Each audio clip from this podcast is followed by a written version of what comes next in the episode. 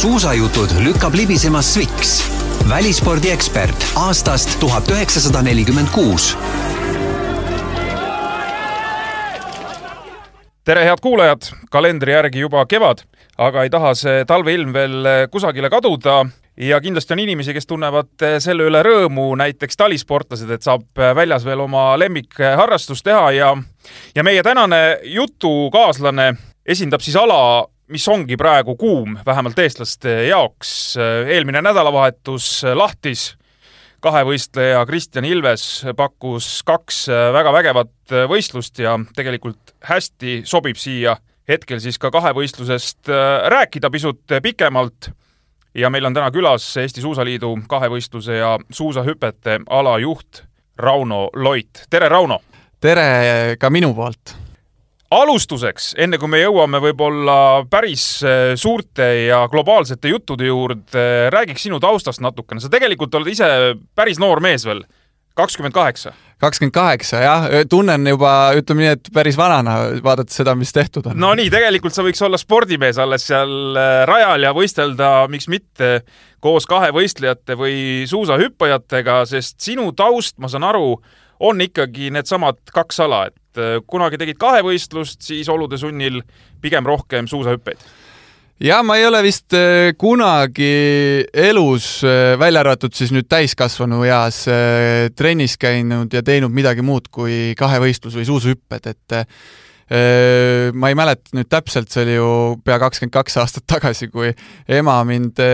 trenni viis, otsis trenni, poiss oli nii rahutu ja, ja tahtis kogu aeg liigutada ja siis leiti Viljandis too hetk üks trenn, kus oli vähe õpilasi, milleks oli kahevõistluse suusahüpete trenn. Ja sealt see asi alguse sai ja, ja tänase päevani oled seotud, aga aga noh, täna on see natuke ka muutunud ja, ja eks neid muid alasi, mis kõrvalt nagu meeldib vaadata ja meeldib ka kaasa aidata kellelgi teisel midagi teha, siis neid on juurde tulnud. Kus seal Viljandis seda kahevõistlust harrastada saab, on seal hüppemägi olemas? Seal oli hüppemägi olemas ja oli isegi, noh, mina seda vanamäge ei ole näinud, mis see hästi suur on, ma olen piltide peal seda näinud, aga siis, kui mina trennis hakkasin käima, oli mm, noh, kes Viljandi folgil on käinud, siis teab, kus folk toimub ja nende samade mägede külgede peal järve ääres tegelikult oli kahekümne viie ja no ma ei mäleta täpselt, kas see kümne või viieteist meetri mägi, kus sai alustada Äh, seal väga palju poisse ja tüdrukuid ei käinud, aga neid mägesi hoiti korras ja ka täna, no täna on profiilid on olemas seal. Äh, vahepeal oli isegi suvekate seal mägedel, aga Viljandis minu teada ei ole ühtegi treenerit, kes noh, Hillar Rein on muidugi, aga tema tegeleb mäesuusatamisega, aga tegelikult äh, on võimalik seal see ala ka taaselustada. hüpati siis otse järve? Enne järve sa pidid ikka pidama saama ja suvel oli selles mõttes huvitav, et kui suvel hüpati, siis seal äh, hüppemäe alt läheb läbi asfalttee. Ehk siis see oli saepuruga täis, et äh, suuski ära ei lõhuks, aga aga talvel äh, ütleme nii, et talvel ei olnud probleemi, sellepärast et paks lumi oli maas, noh, mõned autod võib-olla sõitsid sealt üle, aga, aga aga seal ikkagi toimusid, toimusid needsamad noortesarjad ka, mis täna me teeme sa ise ei ole päris Viljandi mees? ma ise ei ole Viljandi mees, mina olen üldse Rakveres sündinud ja esimesed eluaastad seal veetnud, et et minu poolõed täna Keidi ja Kaidi Kaasiku, ehk siis meil on isa on sama ja ja teevad siin tublisti trenni ja häid tulemusi, siis sealt, sealt Rakvere poolt ma olen pärit, aga, aga isa mind siia trenni ei toonud. sinu huvitav rändamise lugu selles mõttes jätkub, et äh, sa ei püsinud ka Viljandis väga kaua? ei püsinud, äh, noh, ütleme nii, et need Viljandi mäed üks hetk jäid väikseks, et kui siin Tallinnas on võimalik ikkagi teha põhikooli lõpuni korralikku trenni, siis niisugune äh, treener nagu Silver Eljang, kes tänagi Otepääl tegutseb, pakkus võimalust minna neljandast klassist Otepääle trenni tegema ja seda võimalust kasutasime ja see oli üks huvitav periood elus eh, enese kasvamise mõttes, et eh, kuidas noor eh, inimene saab põhimõtteliselt üksinda suures maailmas hakkama, aga aga mina võtan seda kui tänuväärset kogemust selles mõttes, et võib-olla ma ei oleks täna see, kes ma olen. neljas klass, üheteistkümne aasta vanune poiss midagi sellist, eks? no nii on, jah. ja läksid täitsa oma elu peale? Ma elasin seal internaatkoolis, mis, internaadis, mis oli siis üle Otepää gümnaasiumi põhimõtteliselt tee. Seal on ka muidugi, kuidas me, administraatorid või kasvatajad või kuidas kellelegi meeldib öelda, olid sellised inimesed seal olemas, kes jälgisid, et ikka lapsed õhtul õigel ajal voodi läheks, aga aga eks seal sai omajagu nalja ja ja mingi hetk oli küll tõesti selline periood ka, kus see spordi tegemine ikkagi jäi tahaplaanile, sellepärast et muud elus oli väga palju huvitavat aga käisid siis Audentese spordigümnaasiumis lõpuks Otepää filiaalis ja käisid selle lõpuni? Jaa, noh, kümnendas klassis sai Audentese spordikooli minna, see võimalus Äh, seda võimalust kasutasin ja, ja käisin selle lõpuni, kuidas öelda, neli aastat siis, sellepärast et sportlastele, kes olid väheke tublimad, pakuti seda võimalust, et sa saaksid kaheteistkümnendat klassi kaks aastat teha. Ja sellel ajal sa tegid ikkagi sporti, räägi nüüd see lugu selles mõttes ka lahti, et mis periood oli kahevõistlus ja mis periood oli pigem suusahüpped? ma isegi täpselt seda aastat ei mäleta, aga enamjaolt ma tegin eh, kahe võistlust, aga seal Audentese lõpupoole toimus üks, tuli, noh, mina ise olin ka muidugi selles süüdi, tekkis üks loll vigastus ja, ja seetõttu siis äh, ei tahetud, et ma suusataksin enam ja siis ma valisin, et okei okay,, ma teen siis suushüppeid, aga too hetk ma teadsin, et noh, kahe võistluse ja suushüpete äh, hüppetase on ikkagi niivõrd erinev ja ma tegelikult peast teadsin seda, et suushüpetes mul ei ole maailma tippu enam võimalik jõuda. Äh, kui me toda aega vaatame, täna see on juba palju võrdsustunud, äh, aga too hetk ikkagi ma sain aru sellest ja ma hakkasin tegema suusahüppamise kõrvalt hakkasin ka tegelikult toimetama juba Suusaliidus noorte karikasarja eestvedajana, see oli niisugune äh, kuidas öelda, vaba aja veetmise võimalus mulle, sellest ma palka ei saanud, pigem tasuta tegevus ja ja sealt äh, hakkasin kõrvalt toimetama sa oled käinud kaks tuhat kaksteist Euroopa noorte olümpiapäevadel, see oli Austrias. Innsbruckis, äh, kui ma õigesti mäletan, jah. ja suusahüppajana või võistlesid vähemalt suusahüppajana seal, said kolmeteistkümnenda koha, ma vaatasin, ja samal ajal nendel samadel võistlustel kahevõistlejana oli väljas Kristjan Ilves. Ja, ja jah, me, me käisime seal koos, kuna too hetk jagati igale riigile üks koht ainult ja ma mäletan, et minu võistluse, suusahüpete võistluse võitis Ansel Anissek, kes täna on väga kõva suusuhüppaja. ta seal ikkagi oli ka juba väga hea, aga aga Kristjan oli too hetk suhteliselt kindel mineja kahe võistluse osas, kuna meil spetsiaalsuusuhüppajaid, nagu meil täna on juba noores eas, too hetk ei olnud, toimus meil Taival Koskis katsevõistlus, kus siis ma võitsin, seal oli veel lisaks päris tugevaid eh, tollel hetkel eh, noori sportlasi, üks, üks, eh, kes meil täna teeb noortekarikasarja eest, veab Karl Mustjõgi, oli ka siis veel spordis ja vaatasin, et viimane võistlus vähemalt seal FIS-i tabelis on sul olnud kaks tuhat seitseteist universiaadil Kasahstanis. ja see on ka vägev kogemus, et ma tegelikult läksin sinna, kuna ma käisin ülikoolis ja ma olin stipendiat, spordistipendiat, isegi Eesti ülikoolides on niisugune asi võimalik, siis selle üks nii-öelda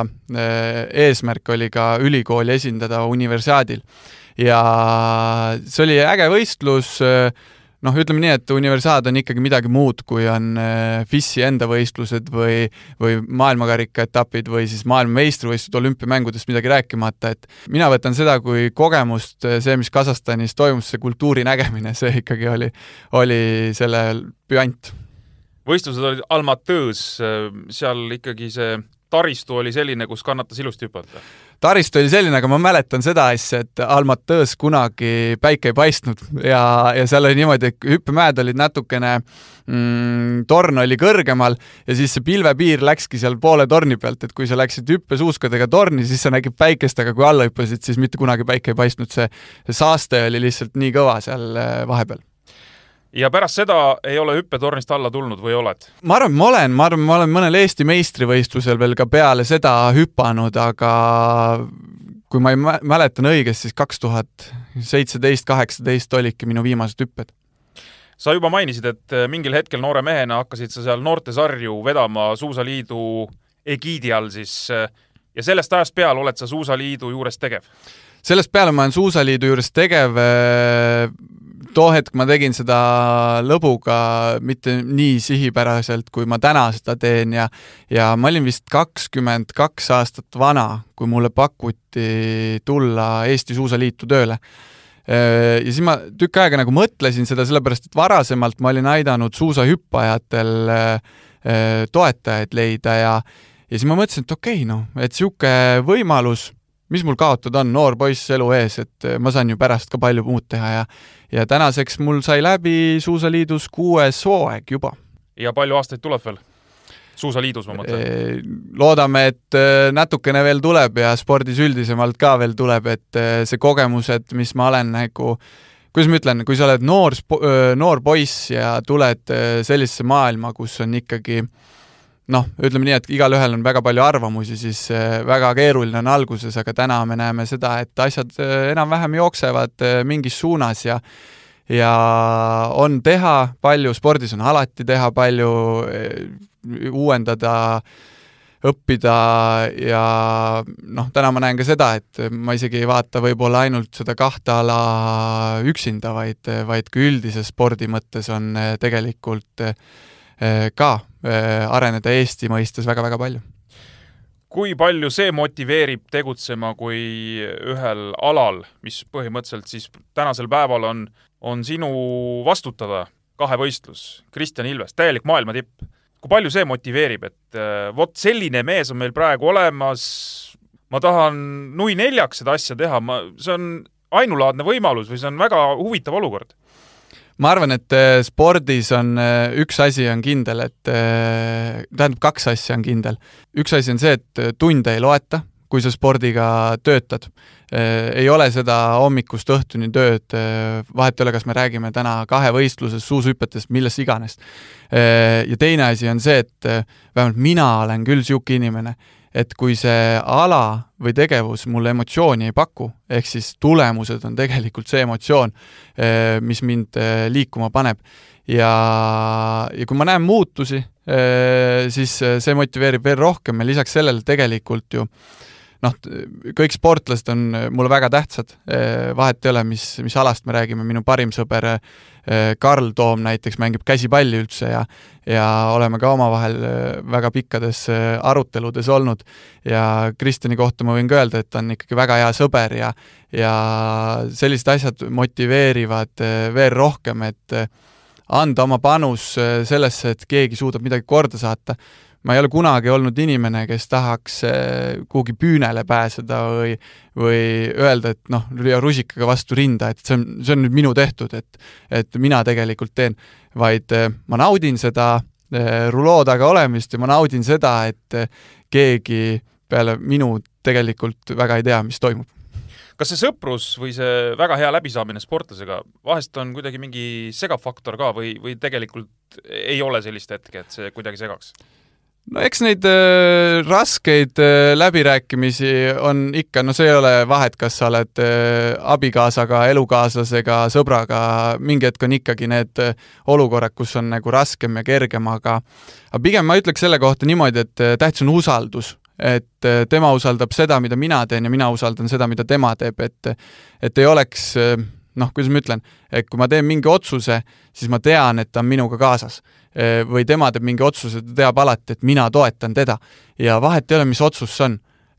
me võime rääkida eraelust, me võime rääkida spordist, aga me oleme üksteise jaoks olemas. ja see on tegelikult spordis kõige tähtsam. kui me nüüd Kristjanist korra veel räägime, siis äh, kõik teavad, et Kristjan juba neli hooaega on norralastega koos tööd teinud, harjutab Norramaal ja nii edasi. vähe on võib-olla teadlikult räägitud sellest, et äh, tegelikult äh, see kõik maksab. see ei ole niimoodi, et norralased võtavad, ootavad rahakotiga ja et äh, tule, teeme midagi ilusat koos. tegelikult on nii, et Kristjan maksab selle pulli noh, nii-öelda kinni. ise tahab minna, seal on kõik vajalik olemas, et areneda, jõuda maailma tippu ja me oleme näinud, et see tegelikult ju töötab. kas ähm, see raha väljaajamine, mis tegelikult on hooajaks vaja kokku saada, kas see kuidagi on alaliidu teema, selles mõttes, et alaliit on võtnud selle enda kanda, Kristjani enda tiim kuidagi ajab selle raha kokku või kuidas see käib? raha on alati hea asi, millest rääkida ja, ja mulle meeldib see, et Allar Levandi ütles mulle kunagi, et raha on nii vana asi, et seda peaks kõigil olema. aga see ei ole, me, me ei saa nimetada seda, et see on Kristjani isiklik raha või, või selles mõttes, et ta ise nagu paneks seda sinna sisse, meil on ikkagi väga suur hulk väga häid toetajaid, kes usuvad sellesse, ma võin siin öelda, mida me teeme. ehk siis üks asi on see, et Eh, mida sportlane teeb, aga teine asi on see, mida teeb tema lähedal olev isik, kes eh, mõtleb ja strateegiliselt neid plaane nagu haub. Eesti mõistes ma arvan, et me võime rääkida ikkagi väga suurtes summades, me võiks selle summa kokku panna eh, meistriliiga korvpallisatsi, selle summaga, mis meie aastas kasutame. ja see on tipp, tippspordis vältimatu, sellepärast et kui sa tahad maailma tippu jõuda, siis need summad, mida mina tean kahevõistluses, suured riigid kasutavad, noh, ütleme nii, et siin oleks vaja kõvasti riigi abi, et, et selline tiim kokku panna ja me oleme leidnud ikkagi selle nagu Kristjan on ise ka öelnud, lotovõidu, et me oleme väga heas keskkonnas, kus hoitakse, kus aidatakse, samamoodi, vabandust, nüüd Eesti Olümpiakomitee on ju mainimata, et Eesti Olümpiakomitee ka eelmisest aastast alates ikkagi ja juba varem ka, aga eelmine aasta ikkagi juba panustas päris äh, korralikult siia sisse, et et see on, see on väga suur summa, aga ma arvan, et äh, suurim tänu ikkagi kuulub nendele, kes äh, kuidas ma ütlen, ütlevad, et davai, poisid, see on äge, mis te teete, lähme lõpuni välja. Ja neid inimesi, kes täna usuvad, noh, ei ole vähe Eh, rääkimata nendest, kes televaatajad on ja, ja kaasa elavad, aga, aga need, kes reaalselt eh, vahendeid sisse panevad, siis eh, ütleme nii, et see, need on suured summad, natuke aukartust äratavad isegi suured summad, aga mis Eestis täna võib-olla lapsekingades veel on, ma olen mõnele inimesele maininud ka seda, on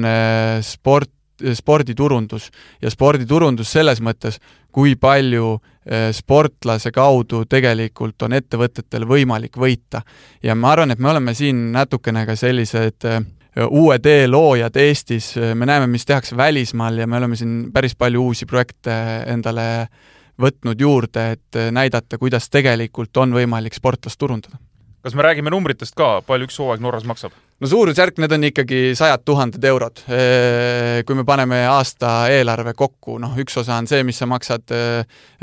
nii-öelda fee ehk siis inglise keeles on fee ehk siis see tähendab tasu, et sa saaksid üldse treenereid kasutada. no sinna juurde tuleb veel elamine, sinna juurde tuleb veel laagrid, transport, kõik sellised asjad ja mis me ka eelmine aasta tegelikult muutsime, on see, et eh, sportlase jaoks on ülim tähtsus, on see, et eh, sul oleks turvatunne, turvatunne tähendab seda, et sul oleks mingisugunegi stabiilne sissetulek. kas eh, Kristjan Ilves on tänasel päeval selline sportlane, kelle jaoks raha leidmine ei ole suur probleem? üldises plaanis me teame, et Eesti spordis, võib-olla see on igal pool, on kogu aeg konstantselt mingi rahasumma puudu et äh, tänasel päeval Kristjan Ilves on sellises staatuses, et äh, ikkagi lähete toetajate jutule, ei ole probleemi ma just äh, enne siia saatesse tulekut ju tulin koosolekult, kus ma käisin potentsiaalse uue koostööpartneri juures ja üks asi, mis, mis on nagu spordis vaja ka muuta, on see, et eh, ei ole olemas toetajad, on olemas koostööpartnerid, see tähendab seda, et mina saan sult midagi, aga ma annan sulle vastu ka midagi. ja vahet ei ole, ma arvan, täna, mis staatuses sa oled, alati on see keeruline. sellepärast me, me elame ikkagi väikses riigis, meil on teatud ressurss ja nüüd on küsimus see, et et kui palju sa suudad teistest erineda, kui palju sa suudad midagi uut väärtust tuua sellele koostööpartnerile, kellega sa hakkad tegutsema. ja, ja ma näen, et seal on ka vaja väga palju sellist kastist väljamõtlemist, et eh, kuidas öelda, logo rinnale kleepida on ju kõige lihtsam asi, mis sa teha saad. aga see, et sul on lahtine pea ja sa mõtled uusi tegevusi välja, see on juba keerulisem ja, ja üks hetk saavad need ideed ka otsa, et sa pead kogu aeg käima ajaga kaasas. Aga meil, noh, ma ütlen, meie toetajad tegelikult, kes meil on olnud, kõige vanem toetaja on aastast, ma arvan, kes meil tänaseni kaasas on aastast kaks tuhat kaksteist, kaks tuhat kolmteist, see oli siis enne minu aega juba ja me ei ole ühegi toetajaga riidu läinud, et me oleks midagi tegemata jätnud. Ja ma arvan, et see on see, mis meid tegelikult vee peal hoiab, et eh, suhtleme, suhtleme, leiame lahendusi, eh, leiame uusi väljundeid, mõtleme, kuidas seda ägedamalt teha. Ja samal ajal on, see on, see on see minu osa, aga samal ajal on tegelikult ka sportlasel osa, et ta tahab oma unistusteni jõuda ja ta peab selle nimel iga päev ikkagi ka pingutama, et ta sinna jõuaks, aga et sa jõuaksid sinna, noh, kõige tähtsam on see, et see ala sulle meeldiks. räägime Eesti kahevõistlusest natuke laiemalt ka kui ainult Kristjan Ilves. Norra B-koondise juures said ka harjutada mõned mehed, Robert Lee, Andreas Ilves, äh, ma ei tea, kas Markus Kägu käis seal või ei käinud, aga, aga vähemalt kaks meest, et äh, mis seis nendega on? Äh, okei okay on, ma arvan, selles suhtes, et kuidas ma ütlen, iga sportlane areneb erinevalt ja täna me võime nii palju väita, et alustame Robert Lees siis, kes äh, on tegelikult äh, suhteliselt sama potentsiaaliga, mis Kristjan, vähemalt hüppemäel. tema vanus on praegu kakskümmend üks äkki? kakskümmend kaks. kakskümmend kaks, jaa, et äh, potentsiaal on suhteliselt sama. tema mure on lihtsalt see olnud, et esimene aasta, kui ta noore läks, põlveristside pluss menisk läks katki. see oli loll õnnetus, ütleme selle kohta niimoodi, hüppemäel juhtus ja siis äh, aasta aega läks edasi, läks uuesti hüppama ja seesama põlv uuesti läks, ehk siis ta oli kaks aastat audis. aga mis head meelt teeb, on see, et äh, tegelikult alustas eelmine sügis hüpetega ja esimene kontinentaalkarikasarja võistlus, mis siis tähendab seda maailmakarikasarjast üks aasta allpool, et maailmakarikasarja pääseda, sa pead seal olema punktil vähemalt ühe korra, siis äh, Robert äh, sai selle punkti kätte oma esimesel kontinentaalkarikasarja võistlusel peale seda, kui ta oli vigastatud olnud. see näitab tegelikult mingil määral sisu. Äh, Andreas Ilves oli Norras ka ühe aasta ja nüüd ta eelmine hooaeg siis keskendus õppimisele, läks Tartu Ülikooli õppima ja see hooaeg siis võttis vaheaasta, et sporti teha. kahevõistlus ei ole niivõrd lihtne ala, et sa lähed, hüppad mäest alla ja suusatad. see on ikkagi päris suur kompromisside leidmine, et sa oleksid hüppemäel väga hea ja sa oleks ikka murdmaasuusarajal väga hea. ja ütleme nii, et Andreses on ka potentsiaali, vähemalt murdmaa pool seda näitab, aga tuleb ka teha kõvasti veel tööd öö, öö, hüppepoolega ja Markus Kägu meil peaks olema praegusel hetkel Audenteses äh, kaheteistkümnendas klassis teist aastat. temal juhtus üks äh, vigastus siin talve alguses, kas rangluu või abaluu mingi murd. ja noh, lihtsalt äh, ongi hooaeg läbi sinu jaoks, et suusatada sa ei saa ja hüpata on ka tegelikult väga halb, aga aga me loodame, et nemad on sellised juuniori tasemel natuke vanemad sportlased, et nemad võiks olla need, kes sealt järgi tulevad. Robert Leest veel korra, jõudis äh, kontinentaalkarikal punktile, mis edasi sai, miks ta ei pannud ennast proovile maailmakarikasarjas? Minu lähenemine spordijuhina on ikkagi see, et äh, igal sportlasel on oma aeg ja koht Ehm, me tegime ka kevadel statuudi maailmameistrivõistlustele saamiseks ja see statuut ei olnud lihtne, sa pidid olema kontinentaalkarikasarjas punktil. see ikkagi tähendab mingisugust taset, et ei ole, noh, me võiks ka saata need sportlased sinna niisama, aga mis sealt tagasi tuleb, noh, see ei ole nagu ei sportlasele meeldiv ega ka pealtvaatajale meeldiv, et sportlasele eelkõige sellepärast minu jaoks on sport alati kaks asja koos, üks asi on füüsilised oskused füüsilised omadused, aga teine asi on see, mis sul peas toimub. ja kui sa lõhud selle ära, mis sul peas toimub, siis sa kunagi ei jõuagi maailma tippu. ehk see tähendabki seda, et eh, see sportlane, see noor sportlane, las ta olla oma keskkonnas, las ta saab seal punkte, las ta jõuab seal kontinentaalkarikasarjas viieteistkümne sisse, hakkab kümne sisse jõudma, okei okay,, proovime tõsta maailmakarika etapile ja vaatame, mis seal saab, ei tule hästi, lähed tagasi. ja see peaks olema tegelikult see spordi mõte, et sa oled oma keskkonnas. Robert Lee saab oma võimalused kindlasti järgmisel hooajal juba Otepää maailmakarika etapi näol, kus, kus ta saab kodus võistlema tulla, mis annab kindlasti hea emotsiooni, aga et järjepidevalt teda maailmakarika etapil starti panna ja see, et ta kaotab seal seitsme-kaheksa minutiga no ma võin mürki võtta, et see sportlane kahe aasta pärast ütleb mulle, et kuule, ma ei viitsi enam, et see on jumala mõttetu. naiste kahevõistlus ka Eestis on olemas või? et äh, Anne-Mari Pendi on siin liikunud justkui kahevõistluse ja suusahüpete vahel ja siis vahepeal justkui isegi ei ole sporti nagu teinud. et on meil see naiste kahevõistlus praegu olemas või, või tegelikult ei ole? Meil olid äh, siin Anne-Mari Bendi ja Triinu Ausenberg olid ju vahepeal väga tublid ja no eks seal on omad äh, asjad, äh, noh, mina ütlen ka päeva lõpus, et sport on äh,, natuke ka käib kunstiga kokku, et see on niisugune eneseväljendus ja ja see tähendab seda, et sa ikkagi ohverdad päris palju, sa paned oma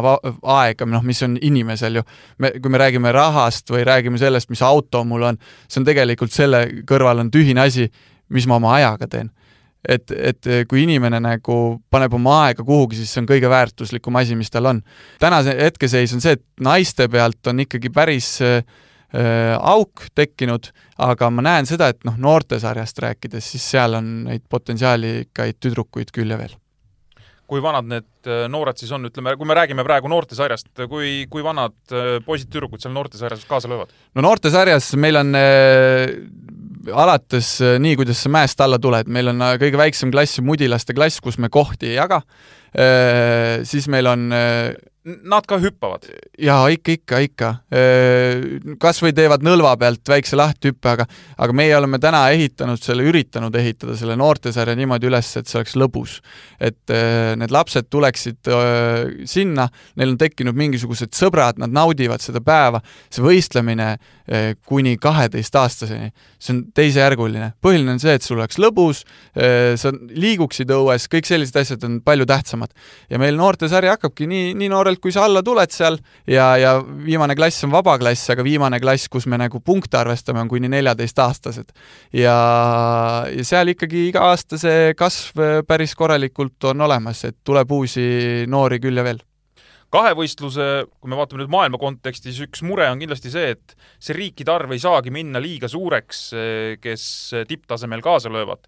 sest olgem ausad, noh ikkagi on vaja taristut, et seda ala teha, meil Eestis on, on see taristu olemas, alati võib muidugi öelda, et hüppemägi võiks ju suurem olla, aga tegelikult äh, siin saab äh, ikkagi mingi taseme kätte küll. kaksteist, kolmteist riiki maksimaalselt maailmas, ega vist sinna väga palju juurde ei tule see taristu on äh, väga suur äh, probleem ja, ja see taristu noh, kui me ennem ka rääkisime siin äh, vahenditest, siis ega see taristu ülesehitamine ei ole odav lõbu. ja, ja see noh, meil on lihtsalt ajalooliselt siin olemas kohad, kus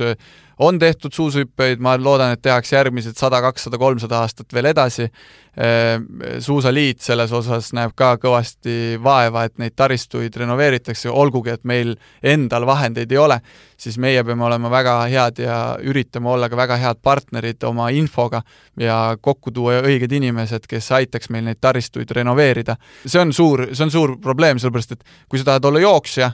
sa võtad oma ketsid sealt riiulist, lähed õue, sa saad igal pool seda teha, aga täna suusahüppeid reaalselt on võimalik eh, teha kolmes kohas, eh, neli, neli keskust meil tegelikult on, üks ootab lihtsalt eh, vahendeid, et see korda teha, aga reaalselt toimivaid keskusi on meil täna kolm. ja need on? Reaalselt toimivad, on meil äh, Tallinnas Mustamäel, kus käivad treeningud, äh, Võrus, äh, Antsumäel ja Otepääl Apteekrimäel. okei okay,, Tehvandi on ka, aga Tehvandist me ei räägi kui noortespordist, sealt me räägime juba sellest, kus hakkavad tulema, no kus teevad Kristjan Ilves, Arti Aigro trenni, Kevin Maltsev ja tegelikult Elva on ka koht, kus loodetakse leida vahendeid, et tagasi mägi püsti panna, sellepärast kolm aastat tagasi seal veel mägi oli. kas Kristjan Ilvese praegust edu mis loodetavasti on alles no nii-öelda poolel teel, et äh, need kõige säravamad asjad alles tulevad. kas seda edu annaks ka kuidagi ära kasutada kahevõistluse üldise konteksti mõttes Eestis või isegi tegelikult on vale küsida, et kas annaks ära kasutada, või tegelikult tuleks küsida, et kui palju annaks seda ära kasutada, sellepärast et äh, no päris paljudel aladel on minu meelest juhtunud nii, et meil on siis individuaalne tippsportlane või on siis mingi võistkond või ja siis jäädakse selle edu peale uinuma, et oi kui äge ja kõik justkui noh, selline tunne on, et see jääbki kestma, et see kestab kümme, kakskümmend, kolmkümmend aastat, mingit probleemi ei ole. Nendel hetkedel, kui see tipp on olemas, siis tegelikult tuleb noh, väga tähelepanelikult mõelda ikkagi selle järelkasvu peale mis edasi saab? jaa, jaa, see on äh, sada protsenti õige ja ütleme nii, et äh, sellepärast me ka täna tunde ei loe, et äh, me teeme seal taustal väga palju tööd noh, lihtsamad näited tuua, siis seesama, see mägede renoveerimine, ega ega ongi praegusel hetkel see aeg, kus on lapsi palju, kus sa, kus sa pead seda võimalust ära kasutama, samamoodi eh, kui me rääkisime siin ennem toetajatest, siis eh, nimesid nimetamata toetajate osas, siis üks Eesti suurettevõte on andnud vahendeid eraldi noorte tiimi moodustamiseks, mida veab siis Kristjani isa Andrus Ilves meil tänasel päeval. ja samamoodi, kui veel Kristjani juurde tagasi tulla, siis Kristjani puhul panebki mind kõige rohkem imestama, mis on ülisiiras äh, ja veel ka selline mõtleviis, et peale mind, mõned mõtlevad, peale mind tulgu, on ju, kas või veeuputus mind ei huvita, mis saab, siis tema tegelikult toetajad, kes panustavad Kristjanisse, siis Kristjan eh, ikkagi mõtleb ka noorte peale, ehk siis sealt läheb ka edasi vahendeid noortesporti. ei ole nii, et kõik on mulle. seda on hea kuulda. kaks tuhat üheksateist tuli esimest korda maailmakarika etapp Eestisse. tuli kahevõistluses. tegelikult pidi varem tulema, aga loodus eh, ei andnud meile seda võimalust. ja nüüd oleme jõudnud siis sinnamaani, et justkui Otepääl igal hooajal peaks tulema maailmakarika etapp, on nii? Eh, meil on pikk plaan eh, kuni kaks tuhat kakskümmend kuus aastani, ehk siis järgnevad kolm hooaega on plaanis seda teha ma arvan, et eh, nii palju kui sportlastelt kuuldud ja ka Rahvusvahelise Suusaliidu ametnikelt, siis Otepää maailmakarika etappkorralduse mõistes on üks maailma parimaid juba täna, aga me tahame seda viia veel uuele tasemele, me tahame pakkuda ka publikule veel rohkem eh, mõnu seal olemisest, et eh, kaks tuhat kakskümmend neli on meil veebruarikuus, kaks tuhat kakskümmend viis peaks ka olema veebruarikuus ja kaks tuhat kakskümmend kuus Äh, võiks äh, praegusel hetkel kalendri järgi ja peaks olema äh, finaaletapp Otepääl, mis siis tegelikult tähendab seda tänu, mida me siin teinud oleme ja see tähendab seda, et ka kõik kõige uuemad olümpiamedalistid peaks tulema Otepääle võistlema. ehk siis sarnane võistlus, nii nagu me nägime praegu lahtis? Ja sarnane võistlusformaadid äh, me saame alati arutada läbi Rahvusvahelise Suusaliiduga ja äh, päeva lõpus meie jaoks äh, koos Ago Markvardiga teeme seda, siis meie jaoks on ju koduvõistlus on see, kus me peame enda jaoks kõige sobivamad formaadid üles leidma. kas kahevõistlejad mõtlevad ka nüüd selle peale, et kuidas see suusatamise osa ikkagi siia Tallinnasse tuua, et meil oli värskelt sprindi maailmakarika etapp Lauluväljakul, rahvas oli raja ääres, et võib ju, noh, võib ju öelda, et, et ei ole, ma ei tea, õige suusa, suusapublik selles plaanis, et õige suusapublik tuleb ikkagi Otepääle, et aga, aga rahvas on raja ääres, neil on hea lähedal tulla, noh, alati tuleb vaadata äh, seda mugavuse osa ka, et, et teha elu võimalikult mugavaks neile, et kes, kes nagu ikkagi vähegi mõtlevad selle peale, et, et kaasa elama tulla või see on võimatu, et kui hüppemägi on Otepääl, siis kõik peab toimuma Otepääl? noh, ütleme nii, et hüppemäge me kahjuks Tallinnasse tuua ei saa, see on nagu Siilile ka selge. aga peale seda, kui Tallinnas äh, oli see maailmakarika-etapp, mis tegelikult oli ju vägev, et äh, inimesed leidsid tee siia ja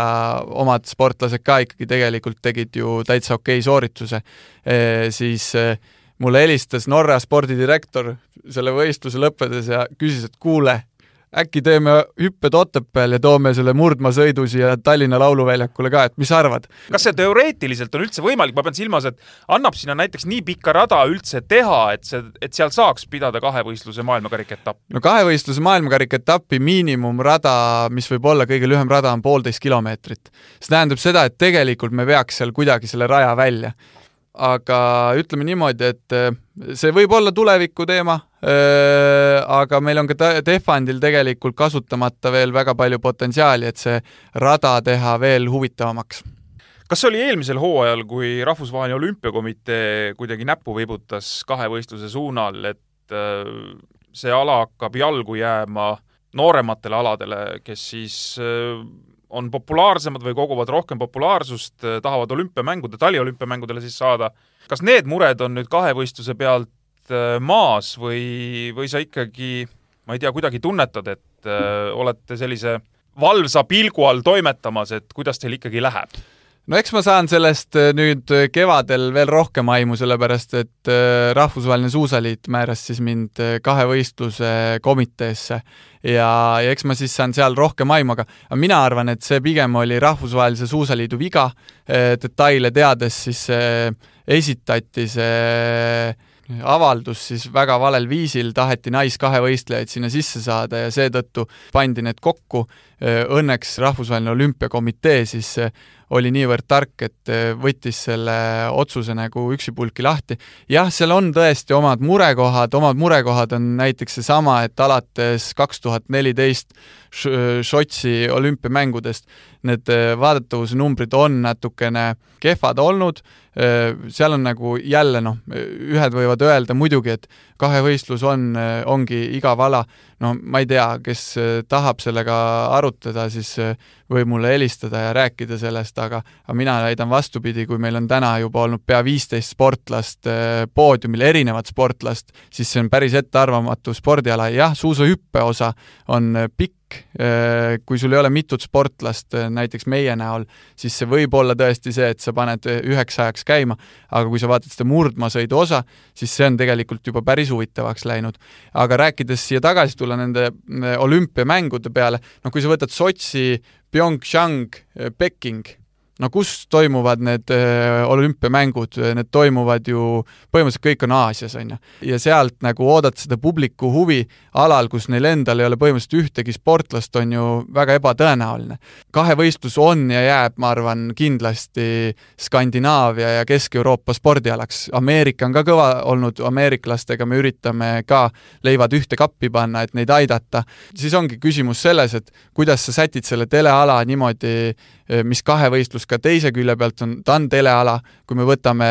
pika päeva Otepääl, pühapäevase päeva, kus hüpped hakkavad hommikul kell üheksa, murdmaasõit lõpeb peale kella nelja, siis sul on väljas miinus viisteist kraadi, no anna andeks, aga ongi ebamugav vaadata õues, aga teleka ees on väga mugav vaadata. hommikul ärkad, võtad kohvi, vaatad suusahüppeid, teed kodus toimetusi, vaatad murdmaasõitu. et äh, sa pead selle ka nagu sättima ja, ja me, meid ei ole ka õnnistatud olümpiamängudel teleülekande aegadega. Äh, ma mõtlen selles mõttes, et me ei ole nädalavahetusel Pekingi olümpiamängul, me ei olnud nädalavahetusel ja sealt ka telenumbrid kohe kukuvad, et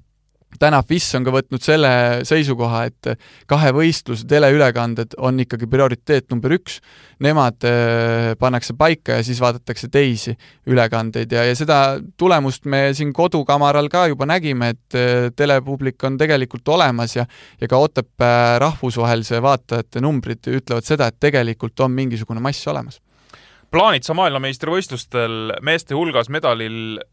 vaid kolm riiki, Norra, Saksamaa, Austria seda võib vaadelda justkui mitut moodi, et ühest küljest noh, kes tahavad, saavad viriseda, et halb, et mis, mis ala see on, on ju, ainult mingi kolme riigi äh, sportlased on äh, medalil. teiselt poolt jällegi, kui need kolm suurt talispordiriiki, nii nagu sa ütlesid juba, et Skandinaavia, Kesk-Euroopa,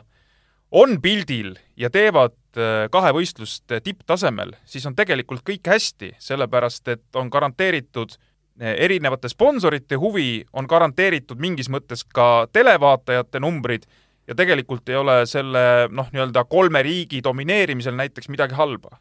nojah, ühtepidi ta ei ole halba, teistpidi ta nagu noh, alati ju tahetakse, et see poodium vahetuks päris kogu aeg ja kiiresti. no kui me võtame lahti maailmakarika etapi, mis meil värskelt meeles on, noh, ideaalne oleks olnud, kui see kolmas sportlane on ju, oleks olnud mingist teisest riigist veel. aga, aga samamoodi Saksa, Norra, Prantsusmaa, Eesti olid poodiumil, noh, me ei saa nagu, eh, kuidas öelda, kahevõistlejate suur jõud ongi need kolm riiki ja, ja me ei, kui Saksa, Saksa riik on lihtsalt nii suur, et eh, kui sa võtad selle rahvaarvu ja võtad ühe protsendi, siis see vaatajaskond ongi päris suur ja, ja see on see, mida tegelikult täna me tunneme puudust ameeriklaste näol, et Ameerikas elab üle kolmesaja miljoni inimese, kui sa saad sealt ühe protsendi kas või kätte, siis see on tegelikult ikka väga korralik number juba. ja ma arvan, et siin läheb huvitavaks huvitavamaks, läheb huvitavamaks selles mõttes, et äh, olümpiakvooti muudeti, see tähendab seda, et äh, FIS peab ka hakkama, Rahvusvaheline Suusaliit siis peab hakkama natuke teistmoodi mõtlema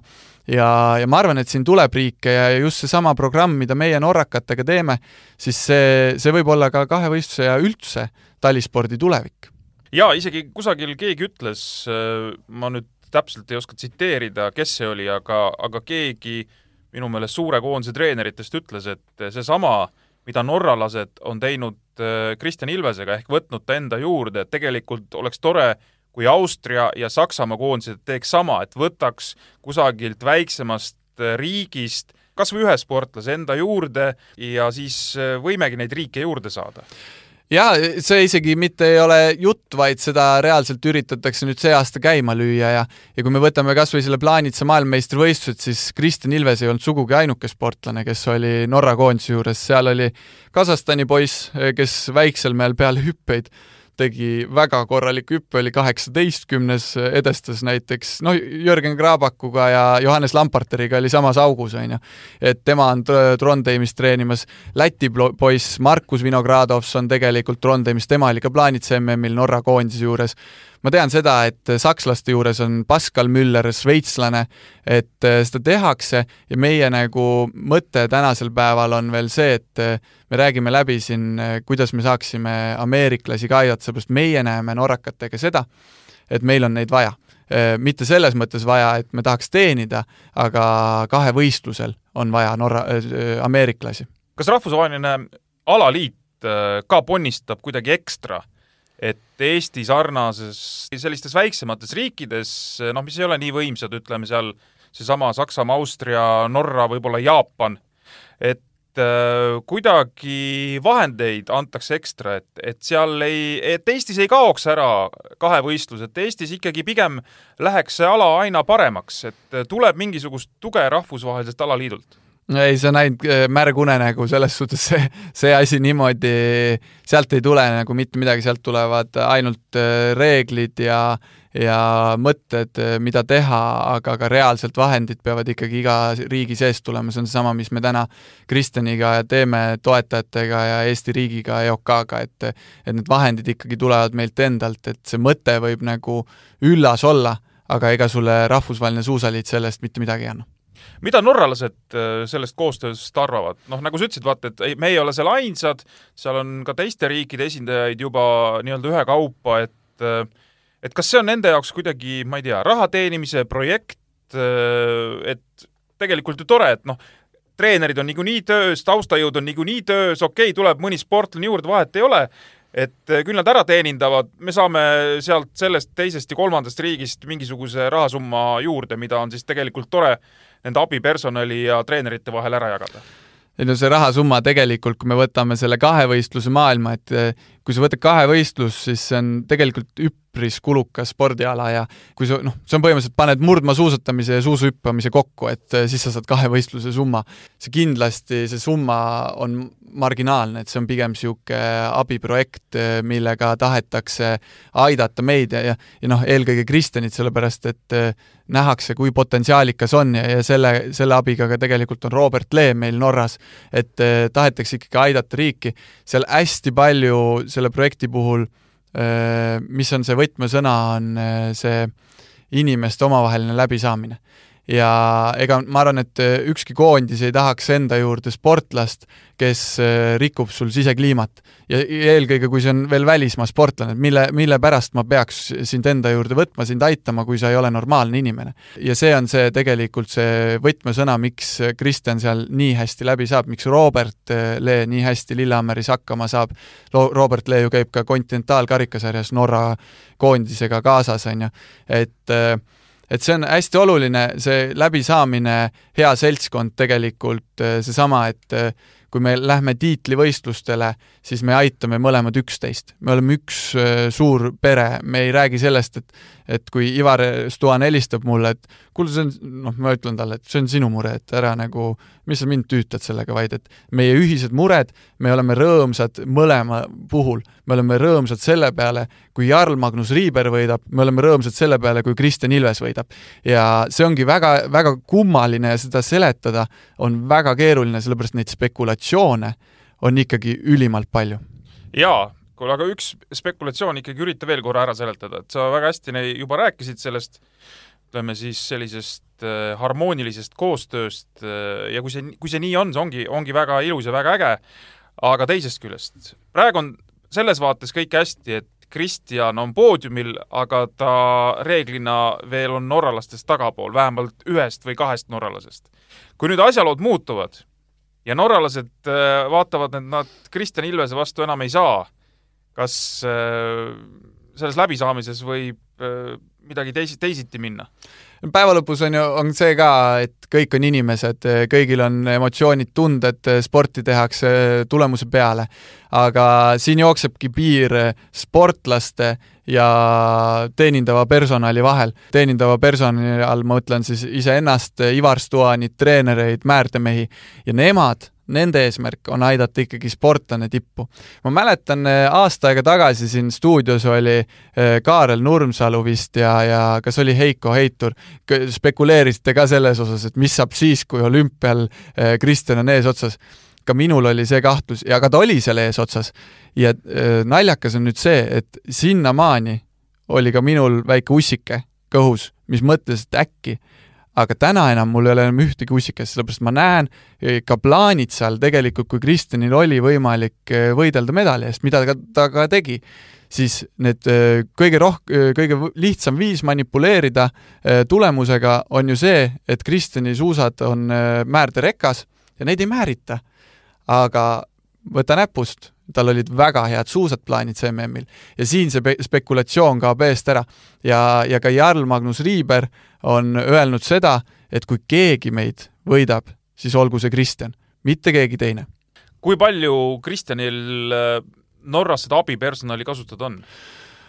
Oi, see ikkagi, noh, nüüd jälle läks suuremaks, ma tean seda, et äh, järgmine hooaeg tuleb veel suurem äh, määrderekka kahevõistlejate Norra koondis ostab äh, laskesuusa selle aasta määrdereka endale ära. Ja, ja sinna tuleb juurde veel hooldemehi, noh, plaanitsa MM-il oli jämedalt kuus-seitse suusamäärijat, puhta, murdmaasuusamäärijat, üks hüppesuuskade määrija, siis võtame mina, no ma pean näppude peale hakkama arvutama, seitse, kaheksa, mina, Ivar, kümme juba, lisaks Jan Smid, üksteist Tom Hilde, Stig, kes kombedega tegelevad, on kolmteist, Stian Kvarstad on siis neliteist ja, ja seal võib veel, oleneb olukorrast, mõnikord on rohkem. et aga, aga kui minu välja võtta ja üks-kaks hooldemeest välja võtta, siis see on ka tegelikult see maailmakarikasarja staff. kes siis käib põhimõtteliselt kogu aeg kaasas? ja, ja no mina ja Ivar Stuan kõikidel ei käi ja, ja hooldemehi on ka maailmakarikasarjas äh, vähem, sellepärast need ei ole nii, nii, nii olulised võistlused, aga oleneb ka maailmakarikasarjast, kui naised on ka kohal, siis äh, tuleb ikkagi hooldemehi rohkem ja Ivar Stuan on siis mis ametimees? spordidirektor, põhimõtteliselt sama positsioon, nagu minul on Eestis. mis on Eesti kahevõistluse järgmine selline suurem suurem ettevõtmine, sellest sa rääkisid juba, et järgmise aasta veebruaris äh, tuleb siis järjekordne maailmakarika etapp, aga võib-olla midagi sellist, äh, mida avalikkus võib-olla ei tea ja te teete midagi uudset? no me oleme isegi arutanud siin vahepeal selle maailmameistrivõistluste osas, aga see on ikkagi niisugune väga no sa pead ikka olema ülim optimist, et seda endale, endale saada, sellepärast et meil tegelikult ju puudub äh, suushüpete kahevõistluse mõistes suur mägi. Et kui meil see oleks olemas, siis me isegi võiksime seda nii suu-, murdmaasuusatajatega kui ka suushüppajatega proovida, on ju. aga, aga täna sellel väiksel mäel, noh, ainuke variant oleks see, et väiksema võistlus kahevõistluses toimub äh, Otepääl, suurema võistlus viiakse Lahtisse, on ju. aga, aga see ei, ei ole ja tegelikult me oleme ka suht enda, kui me vaatame seda personali, kes meil siin Eestis on, siis me oleme ikkagi suht juba maksimum pluss üks, ma ütleks selle kohta niimoodi, et eh, Eesti spordis seda, kui öeldakse küll, et administratiivne pool on muidusööjad, siis eh, siis ütleme, see on, see on ülimalt eh, keeruline olla muidusööja, kui sul on käed-jalad tööd täis. ja, ja me teeme väga-väga palju, üritame väga-väga palju teha nii hüpete pool kui ka kahevõistluse pool kui ka üldse võtame Suusaliidu tervikuna, siis seda tegemist jagub niimoodi, et, et kunagi ei ole su laud tühi kas eh, sina pead vaatama ühes komplektis nii kahevõistlust kui suusahüppeid või sa vaatad neid mingis vinklis ikkagi nagu eraldi ja kui vaatad, noh, ma ei tea, eraldi, siis kahevõistluse seis on siis tänu Kristjan Ilvesele hetkel parem kui suusahüpete seis? Sa peadki neid eraldi vaatama, sellepärast et kahevõistlus ja suushüpped ongi väga erinevas staadiumis ka Eestis, arengustaadiumis, et kui sa võtad selle, et meil on täna kahevõistluses noh, ütleme Kristjani näol ongi tipptegija olemas, sealt altpoolt on ka loodud mingisugused süsteemid, Robert Lee on ka Norras, kuidas ma ütlen, järgmine seltskond, kes tuleb, nad on nii noored alles. Aga kui me räägime suushüpetest, siis seal meil on Arti Aigro, Kevin Maltsev, kes on ühevanused peaaegu, siis meil tuleb Kaimar Vagula, Andero Kapp, Markus Altri, seal neid tegijaid on rohkem ja sa ei saagi sedasama asja teha, mis sa oled täna kahevõistluses teinud, teha suushüpetega et äh, suusahüppajaid siis äh, on lähiajal tulemas rohkem? Potentsiaalikaid äh, on ja noh, kui me võtame isegi Arti Aigro ja Kevin Maltsevi, ega me ei räägi ju pensionäridest. me räägime ikkagi väga noortest sportlastest veel ja nad on lihtsalt jõudnud maailmakarikasarja niivõrd varajases staadiumis. et ja need kaks järgmist, kolm järgmist poissi on veel nooremad, et see, seal on ka tegelikult väga kõvasti potentsiaali aga siit tuleb ikkagi mingil hetkel kodunt ära minna, et, äh, et, et teha see järgmine samm, mis, mis ei ole selles plaanis noh, mingi ime tegelikult päris paljudel spordialadel räägitakse, et äh, kodus saad teha mingi maani, et äh, saada